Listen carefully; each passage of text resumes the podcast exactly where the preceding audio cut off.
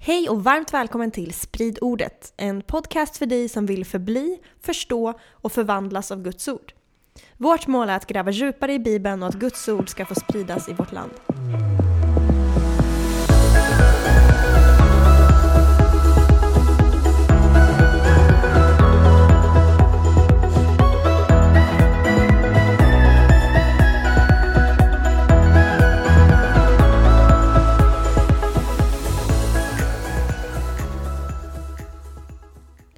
Varmt välkommen till Spridordet och sista avsnittet, inte av Spridordet, men av serien Greppa GT. Eh, vi ska försöka knyta ihop säcken på det här och vi har ju knappast berört hela Bibeln och hela Gamla Testamentet. Men eh, den här seriens syfte har mest bara varit att få en överblick i hur man kan läsa Gamla Testamentet. Ehm, Petrus, vad pratade vi om i förra avsnittet? Lite sammanfattat sådär. Alltså vi har ju, vi har ju cruisat runt ganska mycket i Moseböckerna. Oh ja. För att det är en så jätteviktig del av Bibeln och det är ofta där stötestenarna sitter. Och den lägger fundamentet för resten av berättelsen. Eh, och Moseböckerna är ju 20 procent av hela Bibeln. Så det är enorma, Det är ganska mycket. det är jättemycket. Och sen Gamla Testamentet och det är, kollade vi upp det faktiskt idag, det är 77 procent av hela Bibeln är Gamla Testamentet. Det är också mycket. Det är också mycket. Men vi kollade på lagen, för att lagen är ju det här eh, gamla förbundet som slöts mellan Gud och Israels folk och Mose förmedlade det. Och så kollade vi på, gäller lagen för oss idag? Vad kan vi extrahera för lärdomar från den? Men vi blir aldrig rättfärdiggjorda genom lagen. Nej. Vi får aldrig rätt ställning med Gud genom lagen. För Utan vad behöver vi? Vi behöver en frälsare. Amen. Och de blev ju räddade innan i berättelsen, där ut ur Egypten och så vidare, innan de fick bud och de skulle bli formade in i det folk Gud kallat dem till att vara. Mm. Och det här temat av en frälsare, det är ju hela, genom hela Bibeln då, det har vi pratat om i varje avsnitt egentligen. Mm. Vi har pratat om eh, att man behöver en helig ande, flyttar in på insidan, ger dig kraften att leva ut det liv Gud kallat dig till. Mm. Hur vi behöver ett nytt förbund. Det gamla Sinai-förbundet var aldrig slutplanen, Nej. utan det var bara en pedagog. Mötte folket där de var, på, tar dem på en resa. Och idag, vad ska vi prata om detta avsnitt? Idag ska vi, jag tänkte att vi ska bli lite nördiga. Eh, Som om vi inte redan har ja, varit det. exakt. Nej, men vi ska, vi, ska kolla, vi ska prata om profeten som ska komma. Oh, vem kan det vara? Undrar vem det kan vara. Det vet alla som lyssnar redan. Men eh, vi ska rama in det på ett snyggt sätt eftersom Gamla Testamentet, vi ska kolla lite på hur, om man kollar på det ur hur den judiska indelningen av böckerna i det vi kristna kallar Gamla Testamentet, hur det skiljer sig från den traditionella kristna indelningen. Har inte de samma ordning på böckerna? Nej, precis. Om, om du slår upp din bibel så har du en innehållsförteckning och så Mm. står det saker så här. Men den är i lite annan ordning i judiska historien och det ska vi kolla på lite. Ja. Eh, ja. Mm. Jag tänker att vi börjar i Nya Testamentet. Det är alltid bra med det. Det är alltid en bra grej. Det är bra. Och det jag tänkte vi ska kolla på är väl vad väntade människor på under Nya Testamentets tid? Vad var buzzen liksom? Vad var förväntan? Mm. Rimligt. Eller hur? Så jag tänkte vi ska börja med att läsa Johannes evangeliet kapitel Yes. 1 från vers 19.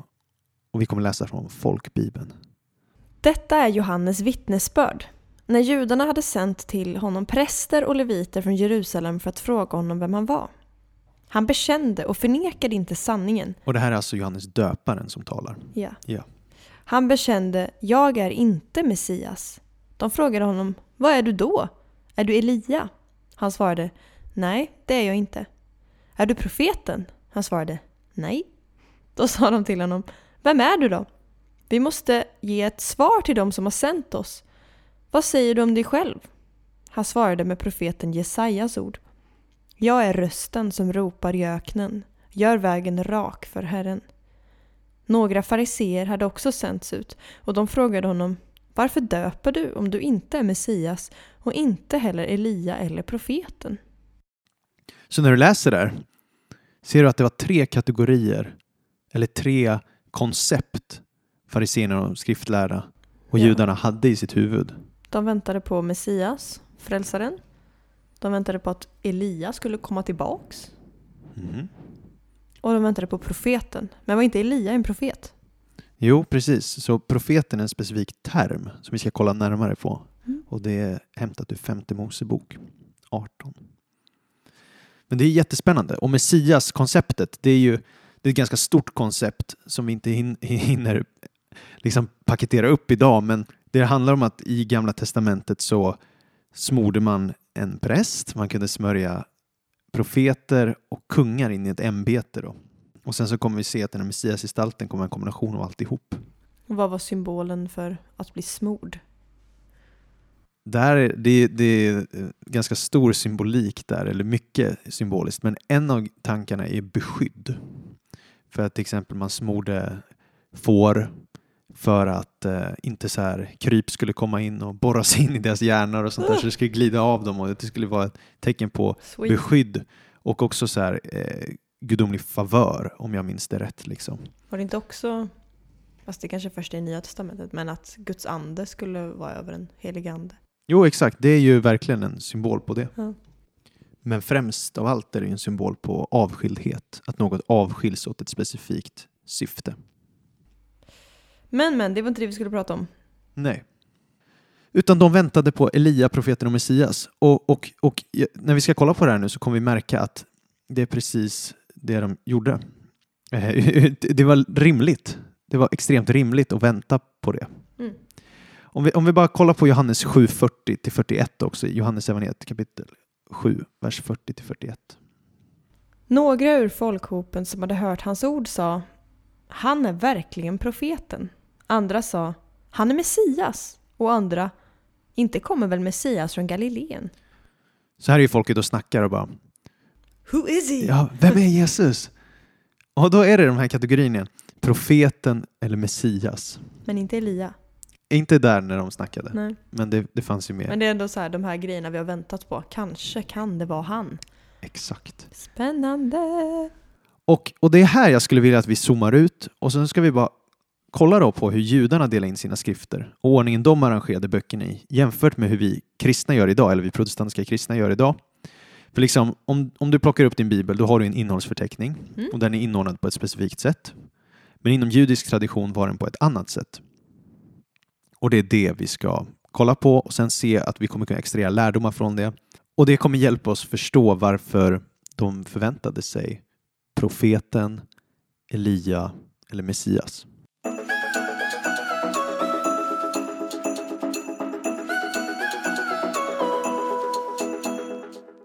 Ja, så då sa jag att judarna delar in Bibeln annorlunda än vi kristna gör Yes. idag.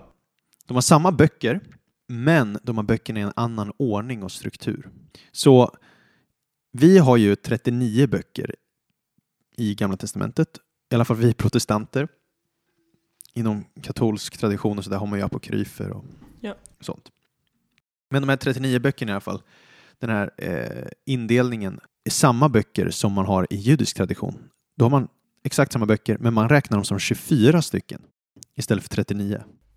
Så man har slått ihop typ första, andra kungabok och krönikeböckerna eller något. Ja, bland annat. Men det är ju, det, det, det är ju ganska stor skillnad i antal, 24 mot 39. Ja, men det här var bara början. Det är de ju också att de slår ihop de 12 eh, små profeterna till Aha. en bok. Sådär. Men eh, det tror jag är spännande här är att de kallar det ju inte Gamla Testamentet judarna utan de kallar det Tanak. Tanak. Och det här är egentligen det bästa ordet vi har för Gamla Testamentet. För som vi har pratat om tidigare är Gamla Testamentet väldigt missvisande eftersom det, det leder oss bort från tanken att det låter så här gammalt. Det låter som, att, inte, som ja. att det inte är aktuellt längre. Eller hur? Och- Och du, är- du kanske sett det nu i våra konversationer att det inte innehåller, eller det är inte bara gamla testamentet. Nej, det är inte bara det gamla förbundet utan det är mycket, mycket mer. Mm. Yes. Så Tanak då? Ja. Det står för tre saker. Det är en akronym. Det står TNK. Tanak. Ja, TNK liksom. Och det är en förkortning då för Torah, Neviim och Ketuvim. Vilket betyder lagen, profeterna och skrifterna. Rimligt. Det är det det betyder, lagen, profeterna och skrifterna. Så det är en tredelad indelning. Ja. Man delar upp det i fem Moseböckerna i första delen, poff. Sen har man profeterna Och då är det de klassiska profeterna vi tänker oss. Men man har också det som kallas de tidigare profeterna. Och där räknas Josua bok in, Domarboken, Samuelsboken och Kungaboken in. Mm. För de ses som ett profetiskt perspektiv. Okej. Trots att det är historiskt, historisk skildring. Exakt, och det är det här som skiljer från liksom hur vi tänker Mm. Bibelns indelning. Och sen har man då det som kallas skrifterna. Det här skulle bli mycket lättare att visa om vi hade en visuellt. Det är svårt på en podcast att göra det här. Jättesvårt. Men Ketuvim, skrifterna, då är det en samling, en blandad kompott skrifter. Det är lite som typ så här eh, du har Saltaren, Jobb, Ordsordsboken, Rut, Höga Visan, Predikan, Klagovisorna, Ester, Daniel, Esra, Nehemja, Krönikeboken. Allt det lumpas ihop som en kategori. Puff, så. Så det är lite mixat av historia, profeter, visdomslitteratur.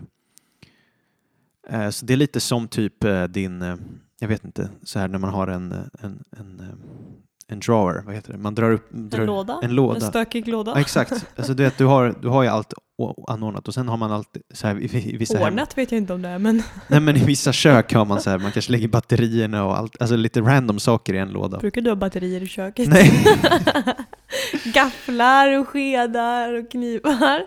Jag menar det är den vanliga, alltså, det, är, det är ordnat, det skulle vara till exempel profeter då. Ja. Men sen har du skrift, skrifterna, det är bara en blandad kompott av allt möjligt. Det är random grejer. Det är så här bara, det finns ingen struktur här, det finns inget vettigt namn på det. Allt i LO-lådan. Ja, exakt. Resten. Precis. Men vi kristna då, vi delar in det i Moseböckerna, de historiska böckerna, ja, Josua, Domarboken, Rut, Samuelsböckerna, Kungaböckerna, Krönikeboken och så vidare. Och sen har vi poetiska böckerna, kommer sen. Puff. Mm. Jobb, Psaltaren, Ordspråksboken, Predikan, Höga Visan. Och sist har vi profeterna. Puff. Och så kör vi alla sådär. Så det är en liten skillnad där. Ja. Och vad spelar det för roll? Tror du det spelar någon roll när du hör det? Ja, för att du, kom, du har tagit upp det så att det borde vara viktigt. Det vore jättekonstigt om vi bara skulle ha en pod, ett podcastavsnitt där vi pratar om att vi delar upp Bibeln på olika sätt och sen bara det var allt, hej då, tack. ja, utan det, har, det kommer hjälpa oss eh, pekas mot Jesus ännu So mer. this better be good. Amen.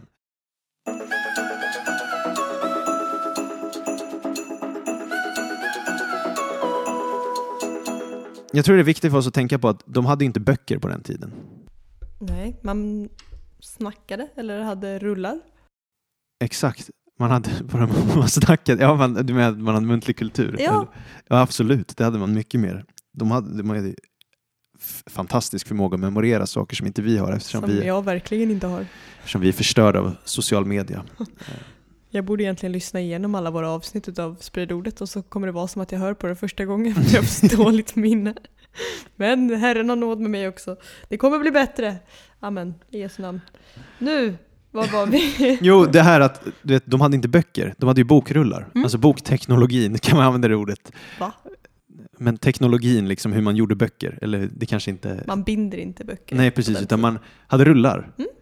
Och det här gör att eh, liksom i början av en rulle och i slutet av en rulle kan vara lite viktigare för att då lägger man märke till, aha, det här är vad den boken handlar om och så vidare.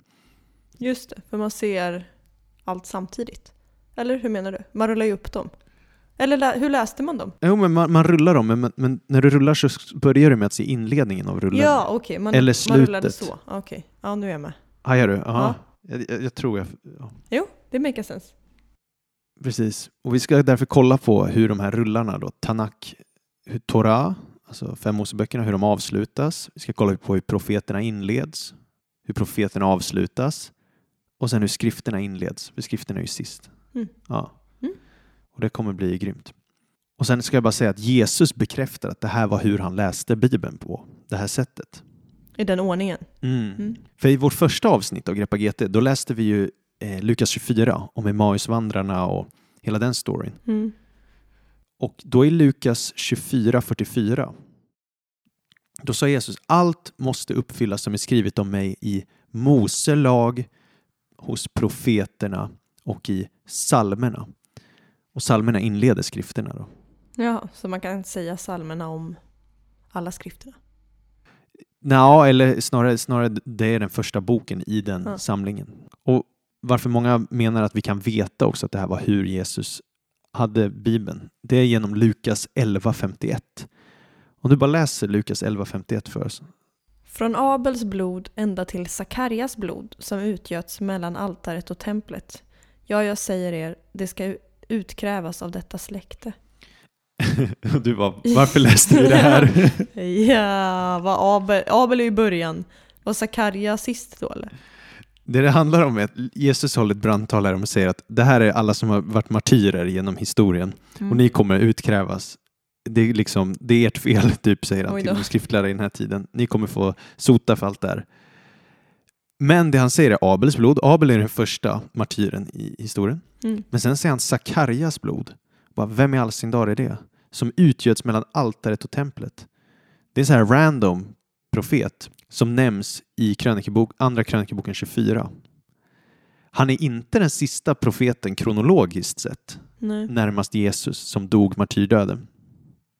Men om du gör den här indelningen av Bibeln Mm. så är det ju Torah, Nevim och Ketuvim. Så då har du ju att Abel är den första och sen den sista boken av skrifterna avslutas med Sakarias blod Mhm. Så det är som att han pratar om den första? Till den sista martyren i bokordningen. Mm.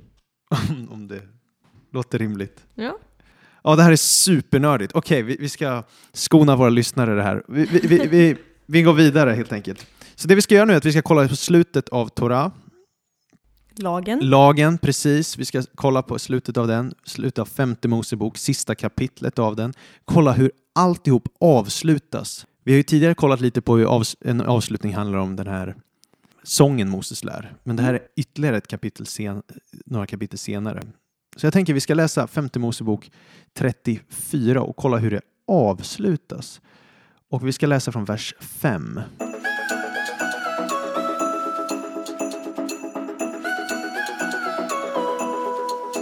Femte Mosebok 34 och 5. Och Herrens tjänare Mose dog där i Moabs land, så som Herren hade sagt. Han begravde honom i dalen i Moabs land, mitt emot Bet Peor. Men till denna dag har ingen fått veta var hans grav finns. Mose var 120 år när han dog. Hans ögon var inte skumma, hans livskraft inte försvunnen. Israels barn sörjde Mose på Moabs hedar under 30 dagar. Sedan var sorgetidens gråtodagar efter Moses slut. Josua, Nuns son, var fylld med vishetens ande, ty Mose hade lagt sina händer på honom, och Israels barn lydde honom och gjorde som Herren hade befallt Mose. Israel uppstod inte mer, I Israel uppstod inte mer någon profet lik Mose, någon som Herren kände ansikte mot ansikte. Ingen om man tänker på alla de tecken och under som Herren hade sänt honom att göra i Egyptens land, med farao och alla hans tjänare och med hela hans land. Och om man tänker på all den väldiga kraft som Mose visade och på alla de stora och fruktansvärda gärningar som han gjorde inför ögonen på hela Israel. Vad tänkte du när du läste det där? Att det låter som att Mose dog alldeles för tidigt. Att han inte liksom var döende. Mm. Eh, 120 år låter ju gammalt idag men det finns ju de som blev typ 900. Ja. Eh, nej men, eh, så det låter som att det var ganska oväntat att han skulle dö. Ehm, om han nu dog. Mm. Ehm, och sen då att ingen av hans slag, alltså någon som har varit lik honom på det sättet, um, uppstod. Alltså det kom inte någon ny som Mose. Så då reagerar du på att det här måste ju varit långt efter Mose det är skrivet för att det står ingen uppstod mer, Israel uppstod inte mer någon profet lik Mose. ja det är ju sant, så Mose kan ju inte ha skrivit det. Nej, precis. och, och det står till och med så här eh, ända till idag. Det betyder ju liksom, okej hur långt bort är det ifrån tiden? Och, och inte bara det, jag tyckte det är jättespännande där i vers 6 att det står han begravde honom i dalen i Moabs land. Vem är han? Ja du, du läste det här mer noggrant än vad jag gjorde. Herren antagligen. Är det, är det Gud själv som begraver Mose? Eller jag vet Och inte. vem skriver? ja, det, kan- det är väl någon i efterhand. Skriva om sin egen död. Precis, så det är någon i efterhand som skriver det här. Och så står det att man vet ännu inte till denna dag var hans grav finns. Och sen är det så spännande då i Nya Testamentet, i Judas brev. Och vad händer då? Minns du? Ja men då i Judas brev så skriver de ju om att de, eh, vad är det, ärkeängeln, är det Mikael? Som tvistar med typ Satan eller någon Mm. djävulen om Moses kropp. Exakt. Var de får det ifrån det vet jag inte.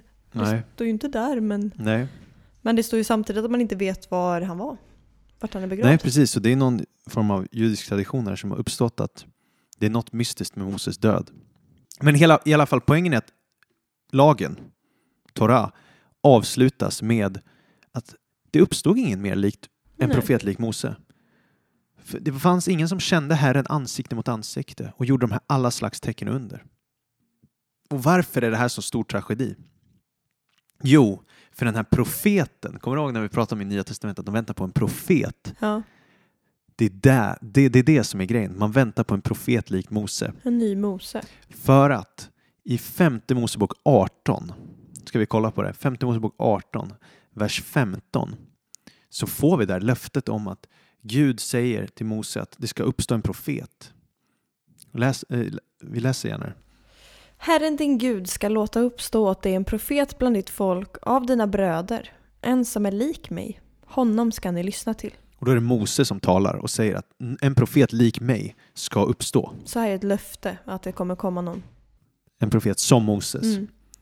Och om vi läser vers eh, 18 också i, i kapitel 18 i femte Mosebok. En profet ska jag låta uppstå åt dem bland deras bröder, en som är lik dig. Och jag ska lägga mina ord i hans mun, och han ska tala till dem allt vad jag befaller honom. Och om någon inte lyssnar till mina ord, de ord han talar i mitt namn, ska jag själv utkräva det av honom. Så här var det Gud som talade och ger löftet återigen att en profet ska uppstå som är lik Mose. Och det är det som är grejen. Va? Så de har läst det här i sin bibel, judarna, och sen när Jesus kom på scen så, så- förväntar, i Nya Testamentets tid så förväntar de sig profeten. Mm. Det är hämtat härifrån, det här löftet. Vi väntar en profet lik Moses. Och Jesus säger ju i Nya Testamentet att jag gör ingenting som inte, om inte Fadern säger det. Eh, Så det bekräftar ju att han är profeten. Ja. Försade jag mig nu? Åh, nej, nej, nej, nej, det gjorde du verkligen inte. Nu kom de klockrent. på det, det var Jesus. Klockrent. Så förstår du bilden då vi får här, om vi kollar på Moseböckerna. Det avslutas med förväntan på en kommande Moses-lik profet som var utlovad, men han kom aldrig.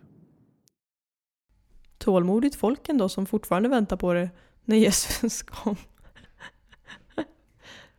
Så då, direkt efter Moseböckerna, vilken bok kommer då i vår bibel? Josua.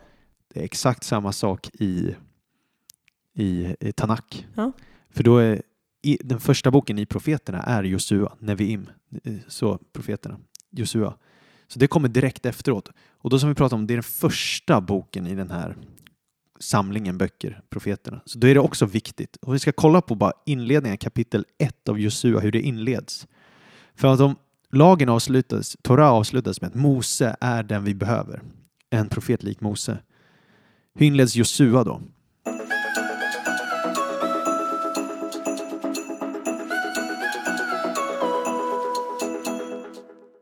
Vi läser från vers 1. När Herrens tjänare Mose var död sa Herren till Josua, Nuns son, Moses tjänare. Min tjänare Mose är död. Stå nu upp och gå över Jordan, du och allt detta folk, in i det land som jag ska ge åt Israels barn. Varje plats där ni sätter er fot har jag givit er, som jag lovade Mose. Från öknen till Libanon och ända till den stora floden Eufrat. Över hela hetiternas land och till stora havet västerut ska ert område sträcka sig. Om bara stannar där. Förstår du att det här löftet gav ju Gud Abraham i Första Mosebok 12. Det har gått jättelång text och nu ska de äntligen få kliva in i det här löfteslandet. Det är en så stor grej. Och då kommer vi där till Josua i vers 5 där, om vi läser vidare. Ingen ska kunna stå dig emot i alla dina livsdagar. Så som jag har varit med Mose, så ska jag också vara med dig. Jag ska inte lämna dig eller överge dig. Wow, som jag varit med Mose. Kan det här vara en profet lik Moses? Det låter ju typ så i alla fall. Eller hur? Spännande. Vi läser vidare. Var stark och frimodig, ty du ska som arv åt detta folk fördela landet som jag med ed har lovat deras fäder att ge dem. Jag var stark och mycket frimodig, så att du håller fast vid och följer all den undervisning som min tjänare Mose har givit dig. Vik inte av från den vare sig till höger eller till vänster, så ska du ha framgång vart du än går. Låt inte denna lagbok vara skild från din mun. Tänk på den både dag och natt så att du håller fast vid och följer allt som är skrivet i den. Då ska du lyckas i det du företar dig och du, då ska du ha framgång. Har jag inte befallt dig att vara stark och frimodig? Var då inte förskräckt eller förfärad, ty Herren din Gud är med dig vart du än går. Starkt. Verkligen. Men det är någonting som skiljer sig här. Från att han är, han är som Moses. Som jag var med Moses så är jag med dig. Mm. Men vi läste ju där i slutet av femte Mosebok, jag minns inte om du lade märke till det, men då stod det ju där att ingen profet uppstod som Moses. Precis. Någon som kände Herren ansikte mot ansikte. Det gjorde inte Josua. Nej, hur, hur känner han Guds vägar? Genom att följa Torah, Mm. följa undervisningen som Mose gett dig. Så det finns en skillnad där. Eller hur? Ja. Så det är inte riktigt en profet likt Mose, men nästan. Och det som är utmärkande för Josua det är att han ska eh, meditera egentligen. Han ska, han ska inte låta mun... Alltså, Tänk på den både Exakt. dag och natt. tack så mycket. Varsågod. Och, och det finns, ordet som står där på hebreiska är haga, som betyder mumla. Eller så här ljudet som en björn gör när de tuggar. Typ. Alltså det är att prata lite högt. Så här. Pratar björnen när de Nej, men, tuggar? nej, men, nej men det är liknande ord. Så det är, som om du har sett så här judar vid klagomuren idag i moderna Israel så kan de ju så här Stå stå med boken och tuk, tuk, tuk, så här prata, liksom, mumla lite. Så låter det när man mumlar. Nej, det gör det inte väl? Jag fattar grejen. Ja, exakt. Så han säger, det här är nyckeln till framgång Josua. Du kommer ha framgång om du håller fast vid Torah. Om du gör det, då kommer bara Gud vara med dig i allting. Så vi ser här ändå att det är som en Moses gestalt, men inte riktigt. Så det här är Josua-boken, alltså profeterna. Hela det segmentet inleds med att Guds utvalde ledare Josua, han ska leda in folket i det förlovade landet. Och han ska tänka på Torah, lagen, dag och natt. Då kommer han ha framgång. Och mumla. Så om det är hur profeten inleds, hur avslutas profeterna då? You tell me. Så vi har sett här en stark betoning på, okej, hålla fast vid skriften och ordet och vid en profet som Moses. Hur av, avslutas profeterna? Det avslutas med Malaki. Det är lite som Gamla Testamentet för oss avslutas ju med Malaki. För judarna är det profeterna som avslutas innan skriften inleds då. Vad var det profeterna hette? Var det Ketvim eller Nevim? Eller Nevim? Nevim, det. ja, Nevim. Profeterna är Nevim. Ja, ska vi komma ihåg. Och jag tänker att vi ska läsa Malaki 4 från vers 4. Kom ihåg min tjänare Mose lag, som jag gav honom befallning om på Horeb. Och Horeb är ett annat ord för Sina i berget då. Stadgarna och föreskrifterna som gäller hela Israel. Se, jag ska sända till er profet, profeten Elia innan Herrens dag kommer, den stora och fruktansvärda. Han ska vända fädernas hjärtan till barnen och, och barnens hjärtan till deras fäder, så att jag inte kommer och slår landet med till spillogivning. Mhm. Mm. Börjar vi förstå nu varför de väntade sig profeten och Elia? Mm-mm. Vad skulle Elia göra? Han ska vända fädernas hjärtan till barnen och barnens hjärtan till deras fäder, så att jag inte kommer och slår landet med till spillogivning. Så det handlar om att Elia ska dyka upp här då innan Herrens dag och Herrens dag är ett stort tema i profeterna som handlar om när Gud utövar rättvisa på jorden och hämnas de som har blivit illa behandlade och så vidare och bara utövar justice på jorden. Och innan det sker kommer han sända Elia. Ja, och Elia, även fast han hade en nära relation till Gud, så såg inte han Gud ansikte till ansikte. Så därför så tror man inte att det här är samma profet som Gud säger till Mose. Är det så? Ja, bra tänkt. Snyggt. Snyggt. Verkligen. Tack. Ja, men så här, är det inte spännande att man väntar på en profet lik Mose och man väntar på Elia? Eller någon som Elia. Mm. Och om vi bara tänker på de två personerna lite ett tag, så här, finns det likheter mellan dem? Kan du komma på några likheter mellan Moses och Elias liv? Alltså jag blandar ju alltid ihop Elia och Elisha, vem som gjorde vad. Okej, men var det Elia som ja. var eh, med Balsprofeterna Ja, precis, på berget och precis. Fire, Holy Spirit och ägde dem? exakt. Och det var han som också profeterade att det skulle komma regn. Mhm. Mhm. Det var han som hängde med Ahab och Isabel som Ja. inte var så trevliga. Tänk vad jag kommer ihåg ändå. Eh, det var Elias som hörde Guds viskning, eller hur? Eller var det Elisha? Nej? Nej, det är Elia, Elia. Elia i, Ja, när han var i grottan. i grottan. Ja. Ja. Men om vi bara kollar på... Vi pratade lite om att Moses död är otroligt mystisk. Just det! Elia var det som också blev, häm- han blev hämtad av en eh, eldsvagn. Ja. Så han dog inte. Han dog aldrig. Han dog inte. Det är ju jättespännande att de två båda har väldigt märkliga episoder kring sin död eller Mm. sitt eh, läm- jordelivslämnande. Och de båda sen har ju så här, som du säger, gudomlig kraft och power på berg. Mose på Sinai berg och. Elia på Karmel när han har showdown där med Balsprofeterna. Men direkt, och sen de båda bygger stenaltare också till Gud. Men Elia, efter han haft den här showdownen så börjar han ju fly och han blir jagad av ja, eh, Isabel och allt det här och springer till en grotta.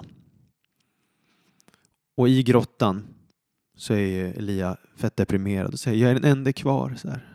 Och sen Mm. han är, är det grottan är på typ dödsångest. Exakt. Och grottan är ju på Sinai berg. Aha. Samma berg som Mose mötte Gud. Och Elia är där 40 dagar. Mose var på det berget 40 dagar.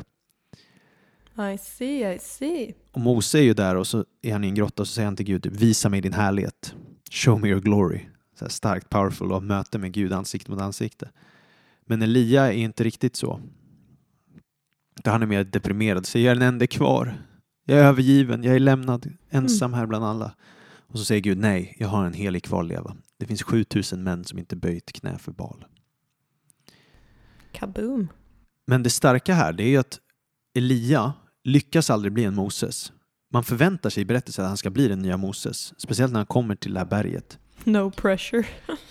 Men han blir ju inte det. För vad gjorde Moses i berättelsen i på berget? Efter att han kom ner med ta- stentavlorna och allting sånt där. Det finns så mycket starka paralleller till Jesus. Men en av de grejer han gör, det är Mm. att Gud blir ju jättearg på folket. För att de har ju gjort en guldkalv. Som de tillber. Som de tillber och de dansar i typ nakna framför den nästan. Och så här dyrkar den. Testa inte det hemma. Testa inte det hemma. Och då så vill ju Gud bara, nej, jag kan, det här går inte. Jag, jag, jag ska inte se dem som mitt folk längre. Och då kommer ju Mose in, kliver in som en medlare mellan Gud och folket. Och så säger han så här. Hej, skriv ut mitt namn ur livets bok. Om du vill. Jag kan ta på mig skulden. Och han offrar sitt liv för dem Mm. på ett berg. så att Tydlig folket ska kunna leva. Jesus-referens. Eller hur? Men Elia, han offrar inte sitt liv på det berget så att folket kan leva. Utan han säger bara, ta mitt liv, jag orkar inte det här längre. Ser, du, ser du kontrasten? Ja. Så, men Elia blir liksom också... Det är som en profet som Moses, men inte riktigt. Som Josua. Ja, ja, en, en ledare ja, som Mose, men inte, inte hela vägen. Exakt, vi väntar på den här som Moses. Och det här för mig då till skrifterna.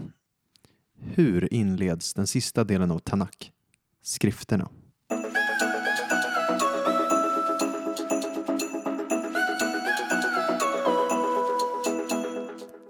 Hur inleds skrifterna? Det inleds med saltaren.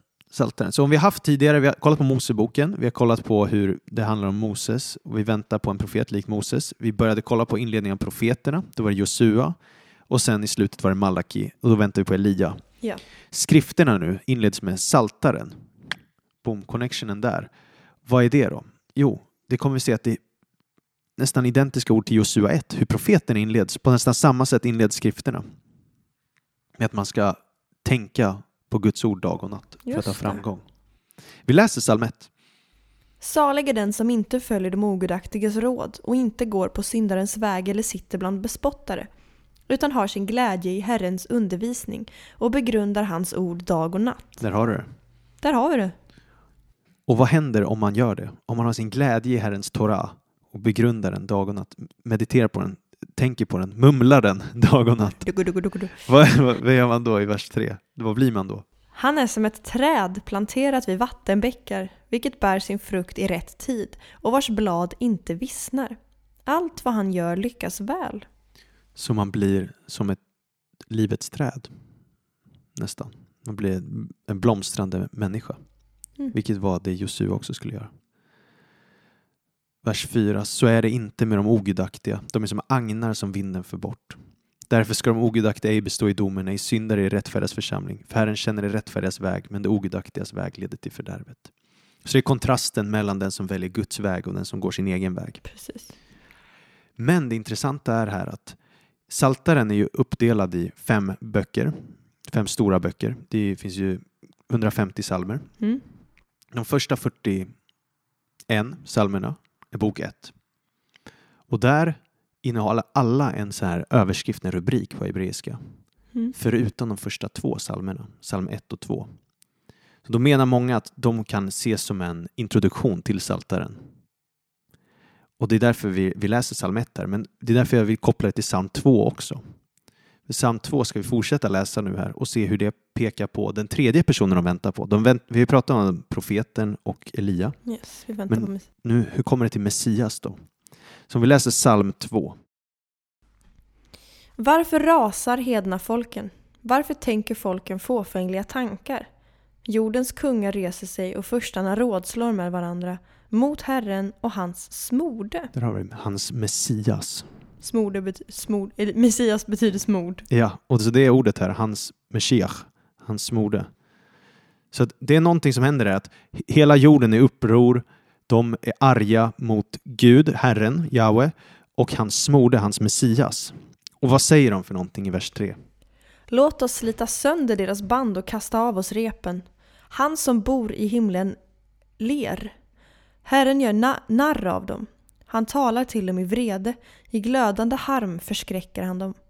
Det är jag som har insatt min konung på Sion, mitt heliga berg. Så här säger han alltså, ni kan vara arga och sådär, men mina syften kommer segra. Jag har satt en kung i Sion. Och det här kungen kommer vi se, det är den smorde. Mm. Men den smorde, Messias, är kung, men han är någonting mer också. Och nu kommer vi höra hans röst i vers 7 här. Alltså, det är Jesus som talar i vers 7 här i psalm 2. För nu byter du perspektiv. Mm, eller? det byter perspektiv. Från att lyssna vad fadern sa till sonen. Jag vill kungöra Herrens beslut. Han sa till mig, du är min son. Jag har idag fött dig. Begär av mig, så ska jag ge dig hedna folken till arvedel och hela jorden till egendom. Du ska krossa dem med järnspira, slå sönder dem som lerkrukor. Vänta, har Gud en son? I Tanak? Jesus finns i Gamla Testamentet. En son som är kung och Messias. What? Och han ska bara begära, be fadern och då kommer han få hela jorden som egendom. Vi läser vers 10 i psalm 2. Handla nu vist, ni kungar. Låt varna er, ni domare på jorden. Tjäna Herren med fruktan och gläd er med bävan. Ge sonen hyllningskyss så att han ej blir vred.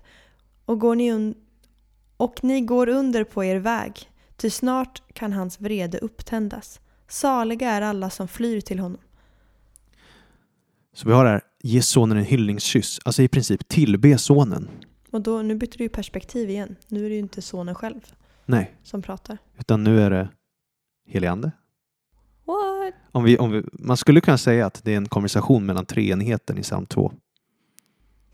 Hur vet man att det är helig ande som säger det senare då och inte Gud Fadern igen?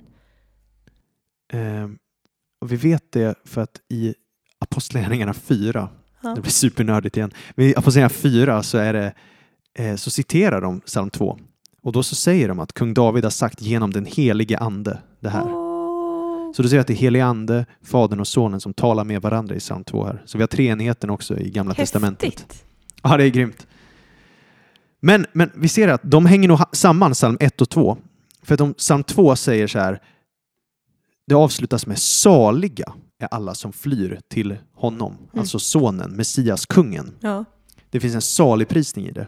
Och psalm, eh, psalm 1 inleddes med saliga är den som mediterar, eh, den som begrundar Guds ord dag och natt. Mm. Så det finns en salig prisning här i att vi behöver någon som lever i Torah, lever i det, mumlar det. Eh, och vi behöver sätta vårt hopp till Guds ord. Guds ord för att vara saliga, men också Guds son, Guds Messias. Och då börjar vi se här att okej, om vi bara läser på de här, säg inledningarna och avslutningarna av de här respektive delarna i skrifterna, i Tanak, i lagen, profeterna och skrifterna, så ser vi ett mönster. Och mönstret är ju, aha, det pekar ju på profeten, Elia och Messias. Mm. Så det är inte så konstigt då att folket snackade om just de tre kategorierna, eller hur? Nej. Det är väl liksom inte bara gömt i texten utan det var inledningsvis. Ja, precis. Det är som att de är också sammanlänkade med varandra och refererar till varandra i texten. Så om vi slår ihop de här insikterna, då blir det som att om vi bara kollar på boksluten av varje bokrulle, då blir det, ja just det, den hebreiska bibeln, det är som meditationslitteratur, reflektionslitteratur i Josue 1 och Psaltaren 1, som ska leda till en livstid av funderande över skrifterna och söka Guds vilja, hans Mm. undervisning, hans Torah. Vilket kommer leda oss till att sätta vårt framtida hopp till den utlovade profeten, Mm. Guds kung och Guds son. Kaboom. Är inte det starkt ändå? Jo, verkligen. Och då märker vi ju sen i Nya Testamentet, då kommer det ju någon som Moses som känner Gud ansikte mot ansikte. Han kommer med helande, han kommer med kraftgärning, han kommer med upprättelse och allting det där. Och han föregås av en Elia-gestalt, Johannes döparen. Men Så- han sa väl att han inte var Elia? Exakt, och Lukas evangeliet förtydligar för oss att han kommer i Elias ande. Så det är samma ande som, som, som Elia. Han kommer och vänder fädernas hjärtan till barnen och kommer upprättelse och förbereder människor för riket och pekar till det. Så liksom bara genom att kolla på den här indelningen så ser vi ju Nya Testamentets budskap rätt häftigt, eller hur? Mm. Och Jesus är då profeten som skulle komma. Och Han är en profet likt-. Han är en profet likt Moses. Och framförallt så är han ju det för att han, likt Moses som var villig att offra sitt liv för folket på en kulle på ett berg, Mm. så kommer ju Kristus sen och är villig att dö och offra allt på ett berg så att vi skulle kunna få leva. Och sen, det finns så mycket paralleller mellan Moses och Jesus, profeten som ska komma. Mm. Så det måste vi göra en episod om också någon gång. Eh, för vi är så taggade på det, så vi ska ju göra nästa serie. Ska vi ju snacka om Jesus i Gamla Testamentet. ja, verkligen. Vi, jag får bara ja, säga en, mm. en, en, grej, en lärdom av det här som jag tycker är så spännande. Att Jesus krossade liksom deras teologi på ett sätt. Eh, De förväntade sig att det skulle komma tre olika. Men eh, Jesus kom som och uppfyllde alla de tre. Och där tänker jag att det är så lätt att man läser om ja men, påskberättelsen och allt det där och man bara hur kunde de inte fatta att det var Messias? Hur kunde de inte fatta att det var Guds son? Men eh, jag tänker lite samma sak när Jesus kommer tillbaks nästa gång.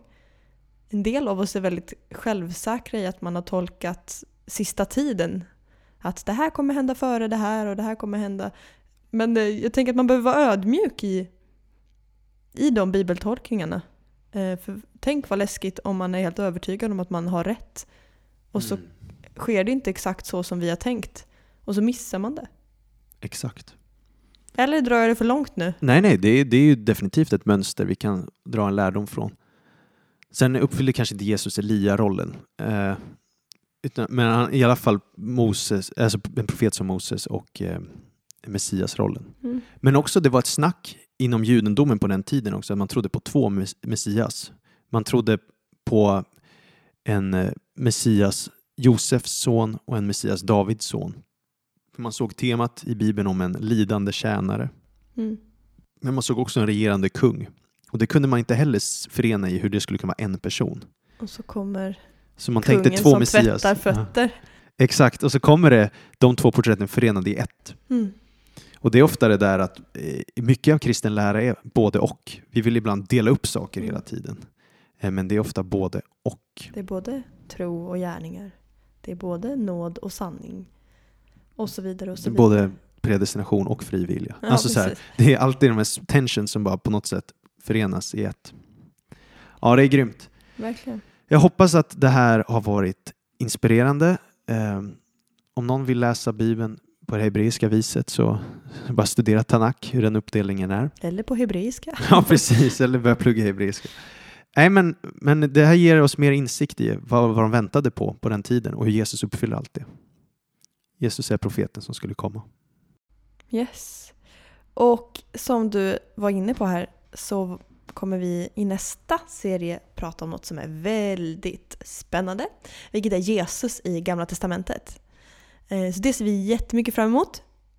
Väldigt spännande eh, bibelläsning. Ja, det har väl det här också varit, men Jesus är ju det mest spännande i Bibeln tycker jag i alla fall. Ja, exakt. Och det gör ju, jag tycker när man studerar det, det, styrker ens tro så enormt mycket. Alltså Mm. min tro genom att göra den här typen av studier har växt min tro så mycket att jag kan verkligen lita på Bibeln. Mm.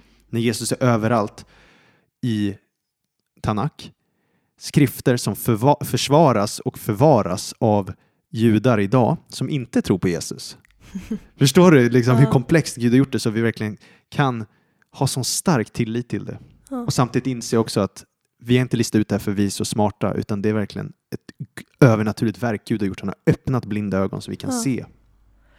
Ja, det är starkt. Ja, så det var en liten teaser till nästa avsnitt. Eh, hoppas... Och serie. Ja, precis. Nästa serie. Hoppas det här har varit till uppmuntran och eh, Gud välsigne er så hörs vi någon annan gång. Hör gärna av er till oss på sociala medier. Vi blir så glada när vi hör vad ni lär er och vad som händer. Eh, ja, det var Ja. väl det. Det var det. Tack och hej! Tack.